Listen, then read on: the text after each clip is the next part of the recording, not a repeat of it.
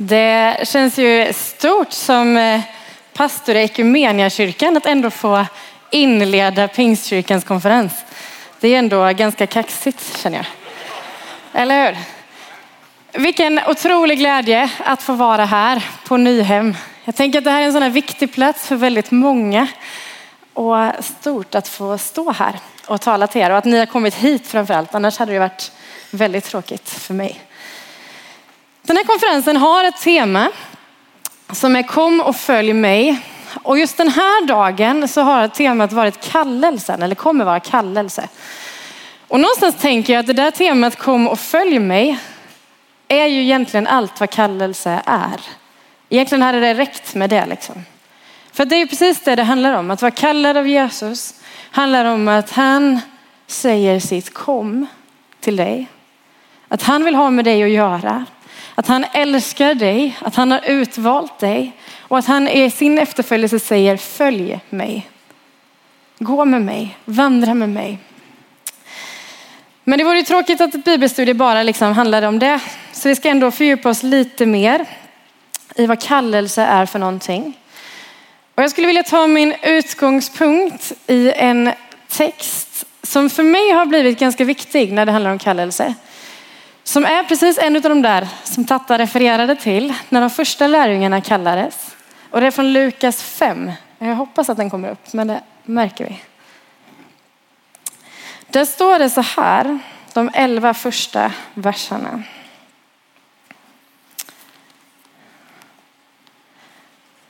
En gång när han stod vid Genesarets sjön och folket trängde på för att höra Guds ord fick han se två båtar ligga vid stranden. Fiskarna hade gått ur för att skölja näten och han steg i den ena båten som tillhörde Simon och bad honom att ro ut ett litet stycke. Sen satte han sig ner och undervisade folket från båten och när han hade slutat tala sa han till Simon, ro ut på djupt vatten och lägg ut näten där. Simon svarade, mästare, vi har hållit på hela natten utan att få något. Men eftersom du säger det ska jag lägga ut näten. Och de gjorde så och drog ihop en väldig mängd fisk. Näten var nära att brista och de vinkade åt sina kamrater i den andra båten att komma och hjälpa till. Det kom och man fick så mycket fisk i båda båtarna att de höll på att sjunka. Då kastade sig Simon Petrus ner vid Jesu knän och sa, lämna mig Herre, jag är en syndare. Till han och det som var med honom greps av bävan när de såg all fisken de hade fångat. Likaså Jakob och Johannes, Sebedaios söner som hörde till samma fiskelag som Simon. Men Jesus sa till Simon, var inte rädd. Från denna stund ska du fånga människor. Då rodde de i land, lämnade allt och följde honom. Innan jag tar med er i det här bibelstudiet så bara ber vi en bön för det här. Herre, tack för att vi just nu är här inför dig. Att du till var och en av oss, precis som till de där lärjungarna, säger kom och följ mig. Att du är här idag för att du vill möta var och en av oss. Du vet vilka vi är. Du vet vad vi kommer hit med. Du vet vad vi bär med oss in i den här veckan. Herre, tack för att allt det kan få rymmas hos dig. Våran glädje och vår förväntan, våran sorg och vår oro. Allt det får plats hos dig. Och just nu så ber jag bara Herre, för var och en av oss som är här, var och en av dem som är med och lyssnar hemma i sin tv-soffa eller var man nu är någonstans. Kom med din närvaro. Kom med din närhet, med din heliga ande, var och en av oss just nu. Så att vi får höra vad det är du har att säga. Du ser vad jag har förberett, men det är egentligen inte så viktigt i förhållande till vad du har att säga och vem du är. Så öppna våra hjärtan för din röst och för din kallelse. Amen.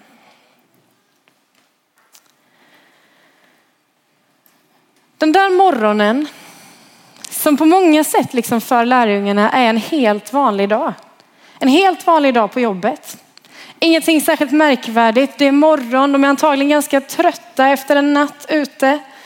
De har liksom gjort det, de vet hur man gör. De har använt det där som de vet hur man känner till. Liksom. De har varit ute och fiskat, det de har varit tränade till i hela sitt liv.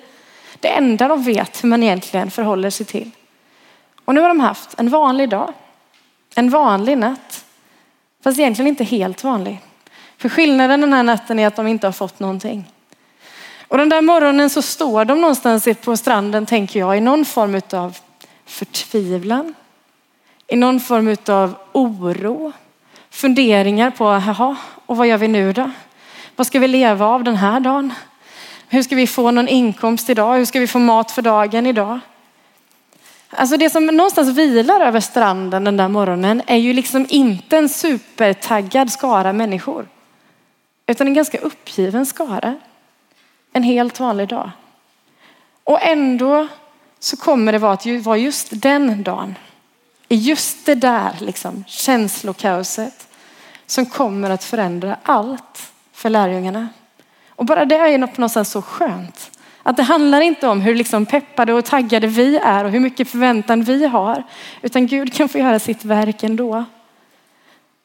För att vi är där. Och för att vi lyssnar till honom. Och just då så kommer Jesus in. Och så säger han de där orden till Simon, Petrus, Jakob och Johannes och de andra. Följ mig. Kom och följ mig. Någonstans är det ju där allting börjar. I de där orden. De liksom innefattar allt vad kallelse och vad lärjungaskap och vad efterföljelse och vad evangelisation är. Och ju mer jag har varit ute och pratat om det här, ju mer jag liksom har varit ute och försökt inspirera församlingen i att nu måste vi gå ut och vinna nya människor och nu ska vi liksom tända församlingar för evangelisation och för efterföljelse. Så landar jag någonstans tillbaka mer och mer i att det just börjar i ett kom. Jag vet inte vad din bild av kallelse är. Men för mig i alla fall när jag växte upp i den där lilla kyrkan ute i skogen så var liksom de gångerna man fick höra om kallelse eller de gånger man fick höra om mission och evangelisation. Det var ju alltid när det kom någon från som Afrikamissionär. Har ni varit med om det någon gång? Så sitter man där som små barn i söndagsskolan eller scouterna och så ska man lyssna så tänker man gode gud låt mig aldrig bli kallad. Alltså jag vill inte till Afrika liksom. Jag vågar inte det. Vem är jag? Och så någonstans så var det min bild av kallelsen att den skulle vara ganska skrämmande. Att det handlar om att man sänds ut, man sänds iväg, gärna till någonting där man helst knappt kan komma tillbaks igen. Och så kände jag att det där låter jätteläskigt. Liksom. Tills det var en pastor som påminner mig om att ordet kallelse är ju inte ett kristet begrepp enbart. Vi tror ibland att vi har lagt patent på det i kyrkan. Liksom. Men kallelse får man i alla möjliga lägen, olika tillfällen. Man blir kallad till tandläkaren, man blir kallad till styrelsemötet, man får en kallelse till stipendiehögtiden. I alla lägen så handlar det om att det faktiskt är någon som säger kom, kom hit. Vi vill ha med dig att göra. Det kan vara ett roligt ärende eller det kan vara ett jättejobbigt ärende. Men oavsett handlar det om att någon säger kom. Kom hit. Vi har någonting för dig. Vi har en ärende till dig. Vi vill ha med dig att göra. Och den kristna kallelsen är det ju precis likadant. Det handlar inte om att Gud i första hand säger gå iväg nu. Utan det handlar om att han säger kom. Kom hit. Jag vill ha med dig att göra. Jag vill att du ska vara med mig. Kom och följ mig. Kom till mig. Det finns otal olika bibelord liksom, där han säger detta. Han säger bland annat kom till mig alla ni som är tyngda av bördor. Jag ska skänka er vila. Kom till mig. Det berättas liksom varje gång han ska sända ut lärjungarna så står det först att han kallar dem till sig. Bland annat i Markus 6 där det står han kallar till sig de tolv, sänder ut dem två och två och ger dem makt över onda andar. Han kallar dem till sig. Det börjar i att han säger kom till mig. I första Korinthierbrevet står det Gud är trofast. Han som har kallat er till gemenskap med sin son Jesus Kristus. Ibland är det som att vi glömmer bort det. Att vi liksom tenderar till att den kristna kallelsen och den kristna efterföljelsen och lärjungaskapet handlar så otroligt mycket om vad jag ska göra och vad Gud vill uträtta genom mig och vart jag ska gå och vad jag ska bli och vad ska jag ta vägen och vad vill han göra liksom. För i första hand handlar det om att han säger kom. Kom. Lyssna på mig, sätt dig här hos mig en stund. Jag älskar dig, inte för att du gör massa saker, inte för att du är på väg någonstans, utan för att du är mitt barn. Och därför vill jag ha gemenskap med dig. Och jag vill att du ska komma till mig. Sen kan vi ta det andra, det kommer sen. Men det börjar i ett kom. Det finns en fantastisk text när Paulus skriver sin inledning till romarna från romarbrevet. Vi ska liksom ta några, det är ändå ett bibelstudie där så det gäller att ha lite bibelord med. När Paulus skriver sitt brev till romarna så skriver han i hälsningsordet, liksom. ordet kallelse tre gånger. Och om ni hänger med så kanske ni hittar vart det är någonstans. Då skriver han så här. Från Paulus, Kristi Jesu tjänare, kallad till apostel.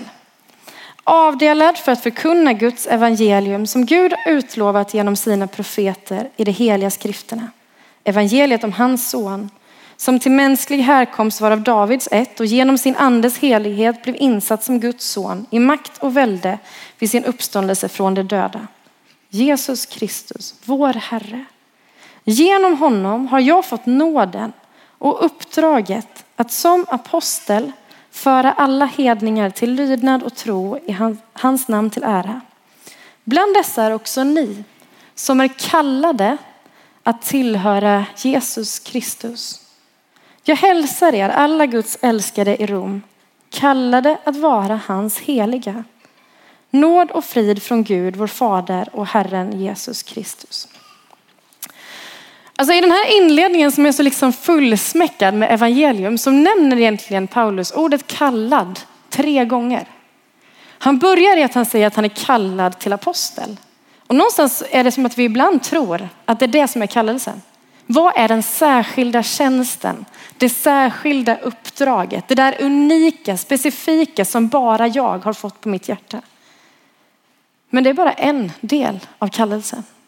Vidare så säger han, där finns också ni som är kallade att tillhöra Jesus Kristus. Det är liksom det mest grundläggande. Ni är kallade att tillhöra Jesus Kristus. Och sen kommer han också in på att ni är kallade att vara hans heliga. Men det börjar i att vi är kallade att tillhöra Jesus. Och jag kan någonstans känna att på ett sätt så är det så grundläggande. Och vi vet ju det någonstans. Vi kanske har hört det sedan barnsben att vi är älskade av Gud för att vi är de vi är. Men ändå så är det som att vi gång på gång glömmer bort det. Det är som att vi ändå liksom tror att vi måste prestera och leverera och åstadkomma och göra vissa saker för att faktiskt verkligen vara en lärjunge till Jesus. För att verkligen få vara kallad av honom. För att verkligen liksom duga inför honom. Fast det börjar i att du är kallad att vara hans barn. Du är kallad att få tillhöra honom. Det har ingenting att göra med vad du har gjort, vad du har åstadkommit, vad du har presterat, hur fantastisk och förträfflig du är. Eller hur misslyckad och värdelös du är. Det har liksom ingenting med det att göra. Du kan få vara i den där sinnesstämningen som lärjungarna är den där morgonen. När allt bara har dragits undan. Och de inte vet vad de ska ta till sig. Och ändå kommer Jesus där och så säger han, kom. Kom till mig. Du är kallad att vara min. Det är någonstans så grundläggande liksom. Att redan i skapelsens början så berättas det hur Gud gör människan till sin avbild. Att människan gör liksom henne till att vara en del av Gud till att få leva i gemenskap med honom. Att vi redan liksom i vår skapelse, i vår varelse är tänkta att leva i gemenskap med honom. Redan innan vi ens började prestera någonting överhuvudtaget. För att han älskar oss för dem vi är. Och det står i första Mosebok. Att vi ska göra människor som är vår avbild lika oss. Och Gud skapar människan till sin avbild. Till Guds avbild skapar han henne. Och så står det lite längre fram att då formar Herren Gud människan av jord från marken, blåser in liv genom hennes näsborrar så att hon blir en levande varelse. Alltså redan i skapelseberättelsen så berättas det liksom om hur Gud gör människan bara för att hon ska vara den hon är. För att hon älskar henne. För att hon ska få vara Guds avbild. För att det är tänkt att vi ska leva i gemenskap med honom.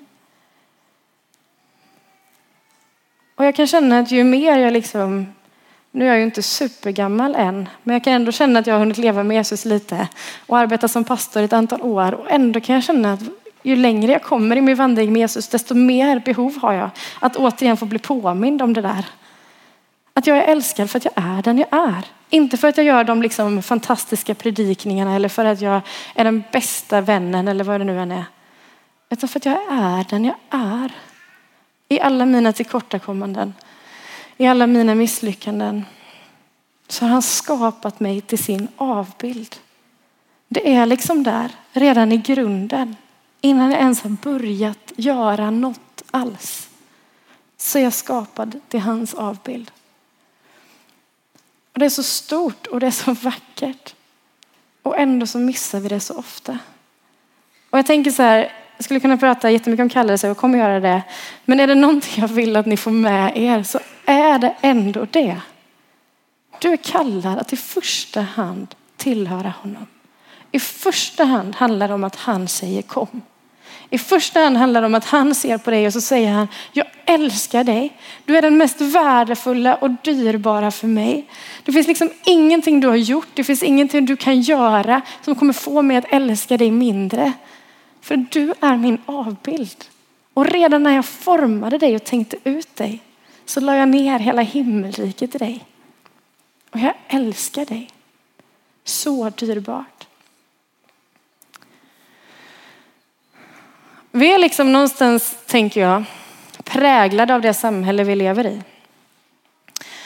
En del har sett den här undersökningen som presenterades för ganska många år sedan nu som visar på, man har kollat på alla världens länder och så har man kollat liksom på utvecklingen i olika länder. Och man har kollat på dels den ekonomiska utvecklingen, hur mycket styrs ett land av daglig överlevnad? Över att varje dag kämpa för tak över huvudet, mat för dagen, skola, friskt vatten, sjukvård och det där grundläggande behoven. Till att mer och mer handla om vad vill jag? Vad drömmer jag om? Vad längtar jag efter? Vad skulle jag vilja bli? Att komma dit i den ekonomiska utvecklingen, att det där faktiskt är möjligt. Och samtidigt har man kollat på sekulariseringen och hur mycket ett land styrs av överlevnadsstyrda principer. Eh, och hur mycket man styrs av traditioner och religioner. Och hur långt har man kommit i sekulariseringsprocessen? För det är visst också ett mått av ekonomisk tillväxt ofta. Alltså hur mycket handlar det om vad jag vill och vad jag tror och vad jag längtar efter och vad jag drömmer om och vad är sant för mig? Och så har man placerat in alla världens länder på den där kartan. Och längst ner i ena hörnet så finns liksom största delen av Afrika. Det finns, här kommer den. Så finns eh, delar av Sydamerika, Asien och så vidare. Och ju längre upp i andra hörnet man kommer så finns västra Europa. Längst upp finns Skandinavien och allra, allra längst upp finns Sverige.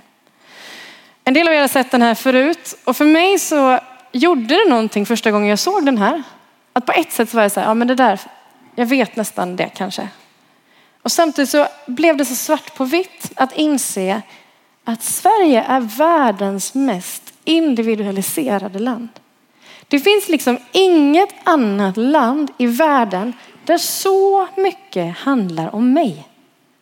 Vem jag är, vad jag ska bli, vad jag presterar, vad jag kan, vad jag levererar, vad jag åstadkommer, vad jag längtar efter, vad jag drömmer om, vad jag klarar av, vem jag lyckas hålla upp liksom ett sken av att jag är, vad jag lägger ut på sociala medier, vad jag får för betyg, vad jag gör för karriär. Allt handlar om mig. Att jag måste liksom klara av någonting, vara någonting, prestera någonting för att åstadkomma någonting i den här världen. Världens mest individualiserade land. Och så tror vi att vi är så himla normala. Att vi är som vanligt folk. Liksom. När verkligheten är att vi är de som sticker ut mest i hela världen. För att allt handlar om mig. Och någonstans tänker jag att livet blir väldigt sårbart om vi kommer till det.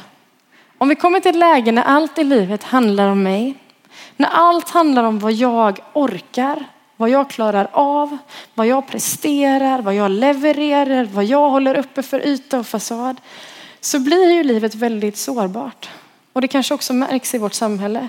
Som ju också sticker ut tyvärr på en del andra tråkiga statistikrapporter. Som ett land med alarmerande hög psykisk ohälsa. hög självmordsstatistik. Ett land som har mest ensamhushåll bland länder i världen. Problem med missbruk och utanförskap. Segregering. Alltså jag tänker att det gör ju någonting med ett land när allting hela tiden handlar om mig. När allting i slutändan står och faller med vem jag är och vad jag kan och vad jag i det presterar. Och så ibland undrar jag, och det här har jag pratat en del om när jag varit ute. Ibland undrar jag om det också tyvärr är så att vi även i våra kyrkor ibland har blivit smittade av det här. Att det även i kyrkan ibland handlar om vad jag vill mer än vad Gud vill. Vad vill jag att det ska sjungas för lovsånger eller ska det ens sjungas lovsånger? Det är ju alltid en intressant fråga. Ska vi ha en orgel eller inte? Vad ska det vara för liksom, blommor? Vad ska vi ha för aktiviteter? Hur ska gudstjänsten se ut? Hur lång ska den vara? När ska vi fira gudstjänst? Egentligen handlar det om vad jag tycker och vad jag vill och vad jag tänker. Mer än vad Gud faktiskt kanske vill, om vi ska vara riktigt ärliga. Och kanske också i min egen tro. Att faktiskt ibland så blir det att Gud blir en del av mitt liv mer än att jag får vara en del av hans. Att jag även liksom i, vet, i min egen kalender ser igenom, men nu ska jag göra det här och så ska jag göra detta och så ska vi göra det här och så har vi det här schemat och dit ska vi, ska vi lämna barnen där på förskolan. Så vi den aktiviteten och den grejen på jobbet och där någonstans på onsdag mellan sex och sju så har du en lucka, Gud. Det är så förstås inte så hos er. Det fattar jag ju. Ni är ju pingstvänner så ni har lite mer av den heliga anden hos er hoppas jag. Men jag tänker att tyvärr möter jag ju det här ganska ofta. Att ibland tenderar vi att hamna där. Att den kristna tron handlar mer om mig än om Jesus. Och jag undrar när det hände i vår kyrkas historia. Att evangeliet slutade handla om Jesus och började handla om mig.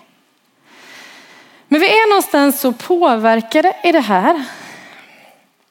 Det här är inte min poäng egentligen. Jag kan gå igång lite i den här frågan bara. Alltså ibland tänker jag att vi är så påverkade av det här. Att vi är så liksom påverkade av det individualistiska tänkandet och i prestationstänket. Att vi liksom ska hela tiden leva upp till någonting för att vara någon. Syns du inte så hörs eller så finns du inte. Att det gäller att få liksom sina minuter i rampljuset, att vara någon. Och därför tänker jag återigen att vi kanske behöver påminna oss om att grunden i den kristna kallelsen handlar ingenting om vad du gör. Utan det handlar om att du är älskad bara för att du är den du är. Bara för att du är skapad till den du är. Jag ska inte säga att Gud struntar i vad du gör, men lite så struntar han egentligen i hur förträfflig du är. Eller hur misslyckad du är. Eller hur fantastiskt bra du gjorde den där grejen på jobbet. Eller hur otroligt vackert du har det där hemma. Eller hur du just nu misslyckades med precis den där grejen i morse i kaoset med barnen och du kände dig som världens sämsta förälder. Egentligen säger han, det spelar ingen roll. Du är älskad av mig. Och där är din grund. Där är din djupaste identitet. Inte det som samhället försöker liksom lura i dig, utan att du är älskad av mig. Grunden är där. Att jag liksom, oavsett vad du har gjort och presterat, säger kom till mig. Kom. Jag älskar dig. Jag vill ha med dig att göra bara för att du är den du är. Jag tänker att Gud söker i första hand inte efter perfekta människor. Det bevisar han så många gånger genom Bibeln. Att han söker inte de perfekta, snarare precis tvärtom. Men han söker efter villiga hjärtan. Efter längtande hjärtan, efter människor som ställer sig till förfogande, som öppnar sitt liv och säger okej, okay, men då är jag här med allt det jag har och allt det jag är. Använd mig Herre. När Simon Petrus, tillbaka till texten med lärjungarna, när han liksom där i båten får möta Jesus och får se det där undret och får inse någonstans om hur stor Jesus är och hur fantastisk han är. Och att han mitt i det säger kom till mig. Så berättas det att han kastar sig ner vid Jesu knän och säger lämna mig Herre, jag är en syndare. Till han och det som var med honom greps av bävan när de såg fisken de hade fångat. Ibland tänker jag, förr i världen så fanns det ett bra begrepp som hette syndanöd. Ibland tänker jag att vi skulle behöva återupptäcka det. Att faktiskt inse, ja men det handlar ju inte om mig. Det handlar ju faktiskt inte om min liksom, prestation. Det är bara egentligen ett tankespel av det som synden gör i mig. Det handlar om Jesus. Att få falla ner inför honom och säga okej, okay, jag är inte värdig. Jag i mig själv har egentligen ingenting att komma med. Men du är värdig. Och tack älskade Herre för att du vill ha med mig att göra. Så grunden handlar om att vi är kallade att tillhöra Jesus. Att vi är kallade att få vara hans. Att han säger sitt kom till oss. Sen säger han också följ mig. Därefter säger han följ mig. Det är som att han säger först när du har fattat vad det handlar om. Då kan du få följa mig. Och då säger han återigen inte jag skickar iväg dig utan han säger följ mig. Jag kommer gå med dig, jag kommer gå före dig. Eller som Paulus uttrycker det i Romarbrevet, liksom. vi kallade att vara hans heliga.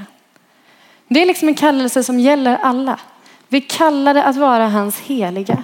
Vi kallade att ställa våra liv till förfogande för honom och att i våra liv följa Jesus. Att i våra liv liksom göra vad vi kan för att följa honom. Om någon vill gå i mina spår måste han förneka sig själv, varje dag ta sitt kors och följa mig. Det är också vad Jesus säger. Men grunden börjar inte där. Men han säger det också. Följ mig. Du kan inte fortsätta leva hur du vill. Utan någonstans handlar det om att ja, men låt mig då få forma dig. Låt mig då få göra det jag vill av ditt liv.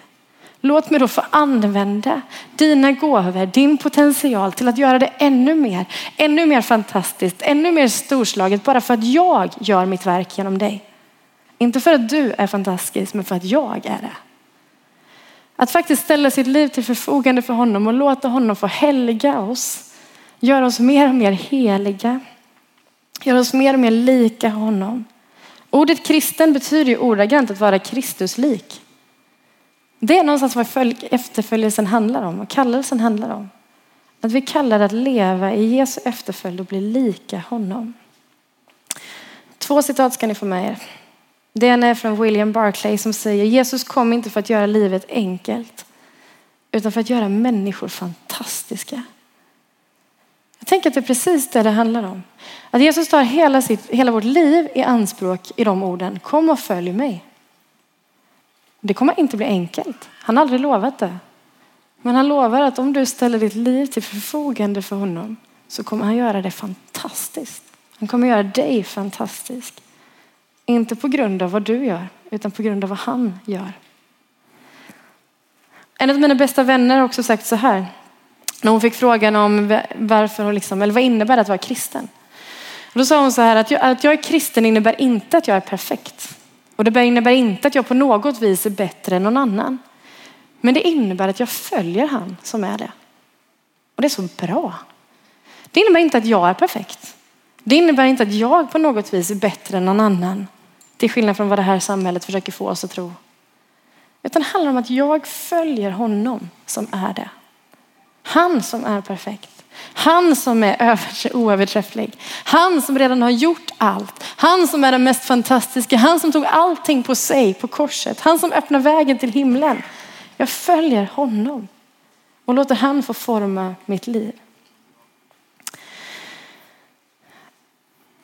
Jag ska snart gå in för landning, men innan jag gör det så vill jag bara att ni reser på er. Jag brukar lära ungdomsledare att det handlar om att få bra förutsättningar för att kunna utföra sitt jobb. Nu tänker jag att bra förutsättningar är att ni reser på er. Och så ska vi göra en sån här som jag brukar göra med barn. Det är bra. Sträcker ni på högra handen. Så lägger ni på den som står till höger om er. En del av er har gjort den här med mig innan. Och så säger ni till den personen, du är bra. Det är en osocial uppmuntransövning. Så tar ni den vänstra handen och så lägger ni den på den som står till vänster om er. Säger du är bra. Och sen tar ni båda armarna. Spontant ja, precis. Och så lägger ni dem på er själva och så säger ni jag är bra. Yes, nu har ni ändå fått boosta er lite och så kan ni få sätta er ner.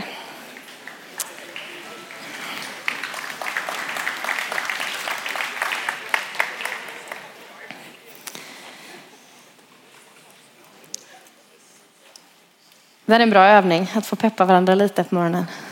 Och sen borde man också säga Gud är bra. Det är han som ändå är bäst egentligen. Nu när jag försöker säga att det inte handlar om att vi är bra utan att han är bra. Ja. När det handlar om kallelse så tänker jag att man skulle också kunna ha på sin plats att det är värt att säga någonting om den personliga kallelsen. Paulus uttrycker ju ändå att jag är också kallad till apostel.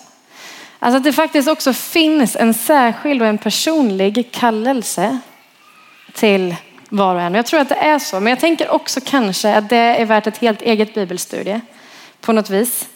Eh, men ska jag säga någonting om det så tänker jag att, att den personliga kallelsen kanske handlar om fyra saker. Att det handlar om gåvor. Vad har du fått för gåvor? Vad Gud lagt ner i dig?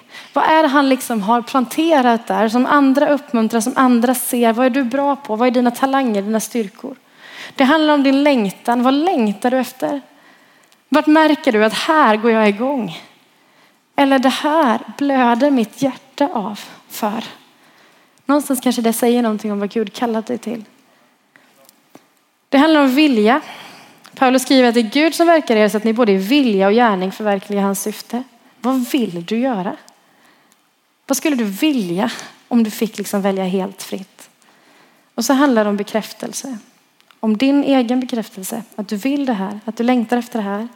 Att Gud bekräftar det och att andra bekräftar det. Jag tänker att jag skulle kunna säga massa om det, men jag gör inte det.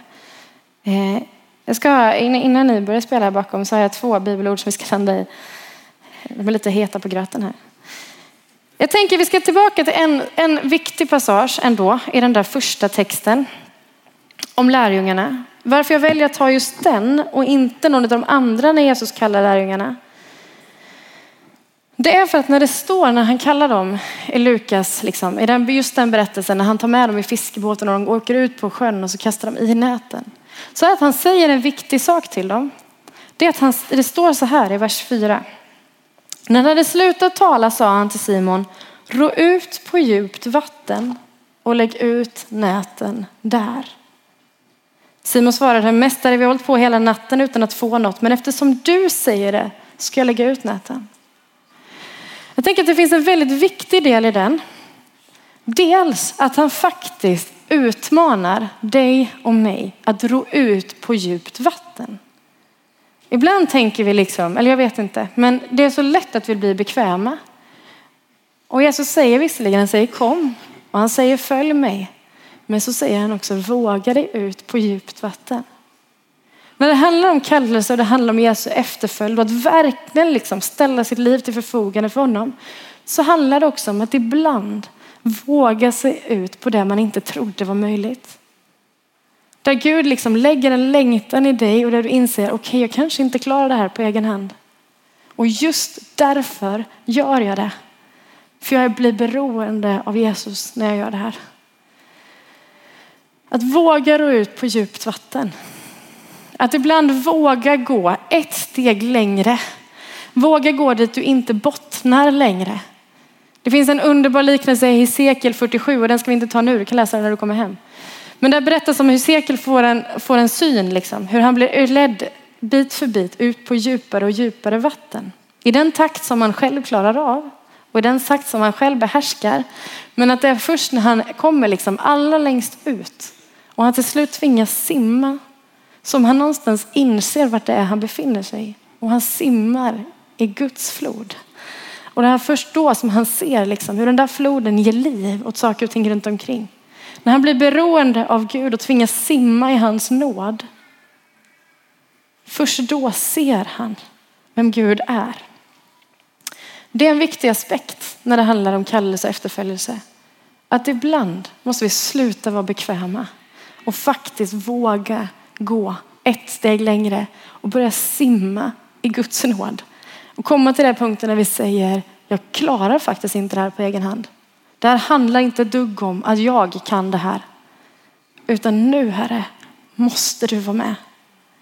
Och nu måste jag få simma på dig. Liksom. Och först då någonstans jag tror jag att vi inser hur stor Gud är. Och hur fantastiskt han faktiskt vill göra våra liv. Och så i det säger han också Petrus. Vi har hållit på hela natten utan att få något, men eftersom du säger det så lägger vi ut näten igen. Kanske finns du här inne som känner att jag har liksom försökt. Jag har varit i ett steg just nu, eller jag står i en kallelse just nu, men för jag har försökt.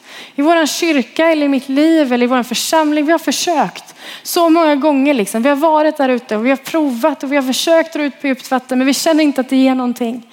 Och kanske känner du att du står den här morgonen och kommer hem helt tomhänt. Liksom.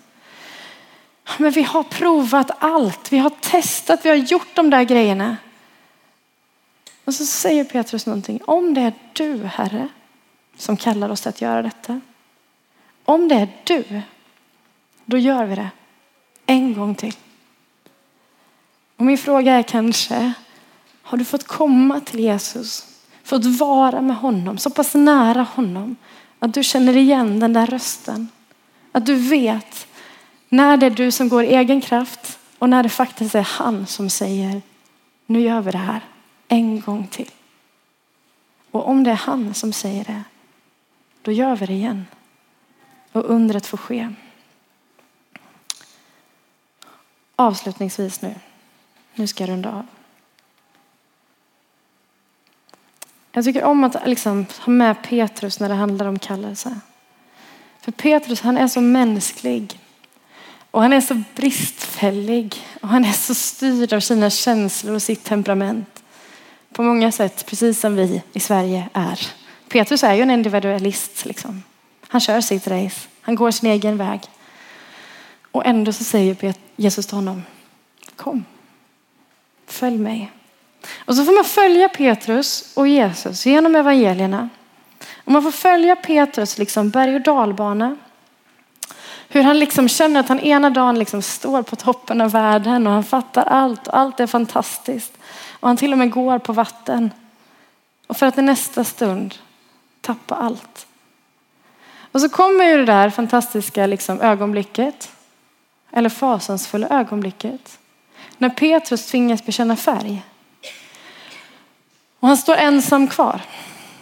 De är, Jesus har blivit fängslad, alla andra har försvunnit och plötsligt så är han där själv. Och så står han där på borggården och så får han den där frågan, är inte du också en av lärjungarna? Var inte du också med honom? Och det är som att Petrus då, i det läget, när han är helt själv, när han inte har någon annan liksom, att visa upp sig för, att bekräfta sig själv inför. När det handlar till slut om honom själv. Då är det som att han inser att allt det här jag har byggt har jag byggt på min egen prestation. Och att jag sa att jag ska aldrig svika och jag ska aldrig överge. Och då faller det för honom. Och raset blir enormt stort.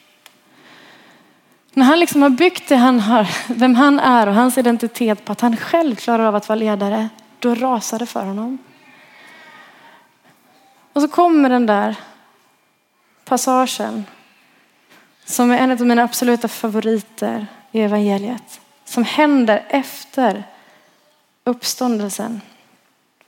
När de återigen befinner sig precis där, på den där stranden. När de återigen har varit ute hela natten och inte fått någon fisk. Och de återigen kommer tillbaka och så står den uppståndne Jesus där på samma strand där allting började.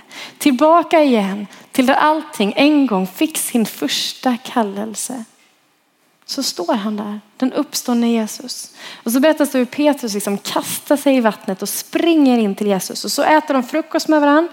Och så sker den liksom berättelse vid sidan av. Mellan Petrus och den uppståndne Jesus. Där Petrus liksom är någonstans i sin höga bekännelse och samtidigt i sin absolut största misslyckande. Tillbaka på den platsen där han en gång blev kallad. Tillbaka där allting hade börjat den där vanliga dagen, den där morgonen. Nu är de där igen. På samma liksom strand, på samma grund.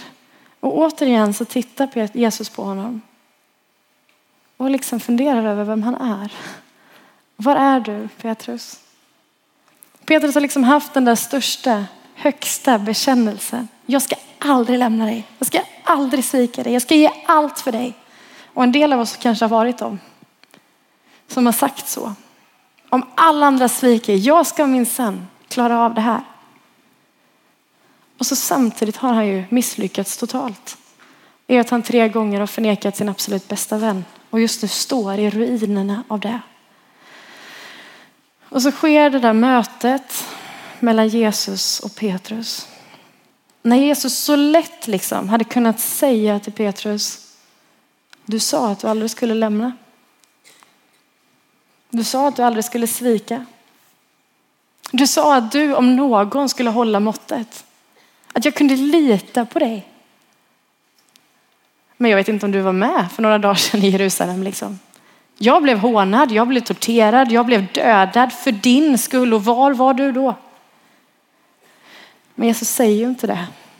Och ni som kan berättelsen vet ju hur den slutar. Jesus säger ju ingenting om det. Han säger ingenting om hur liksom fantastisk Petrus har varit under dagar och hans liv. Han säger inte heller någonting om hur misslyckad han var. Utan det enda han frågar det är, älskar du mig? Petrus, Johannes son. Efter allt du har gått igenom, efter allt det vi har gått igenom tillsammans. Älskar du mig? Älskar du mig?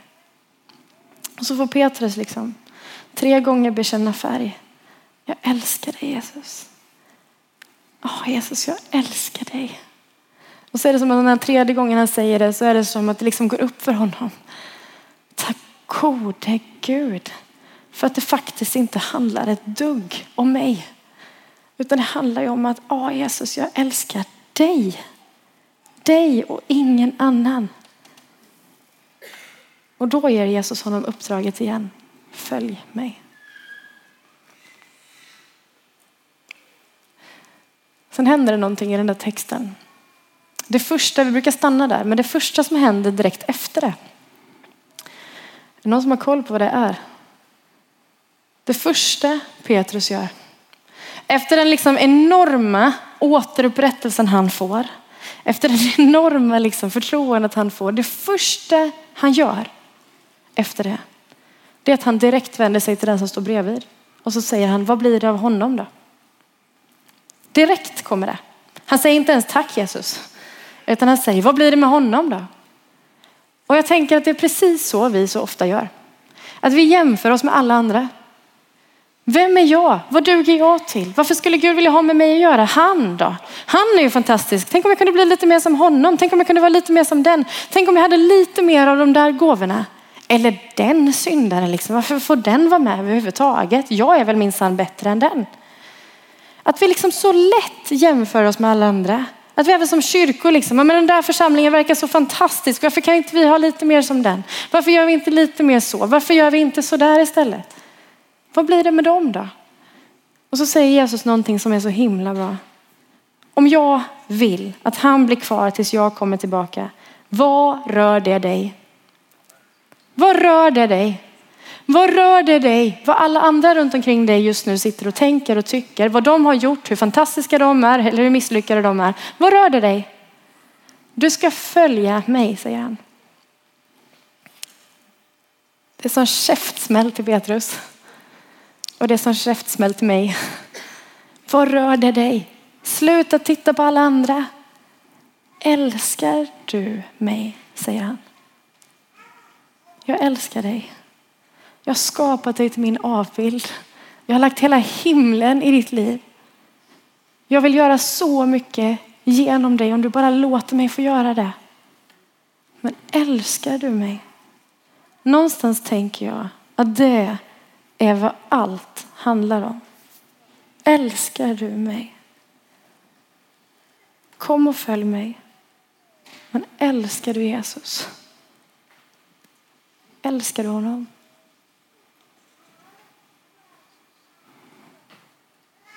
Jesus sa, var inte rädd. Från denna stund ska du fånga människor. Då rodde de i land, lämnade allt och följde honom. Älskar du mig? är frågan till dig den här morgonen. Vi ber tillsammans.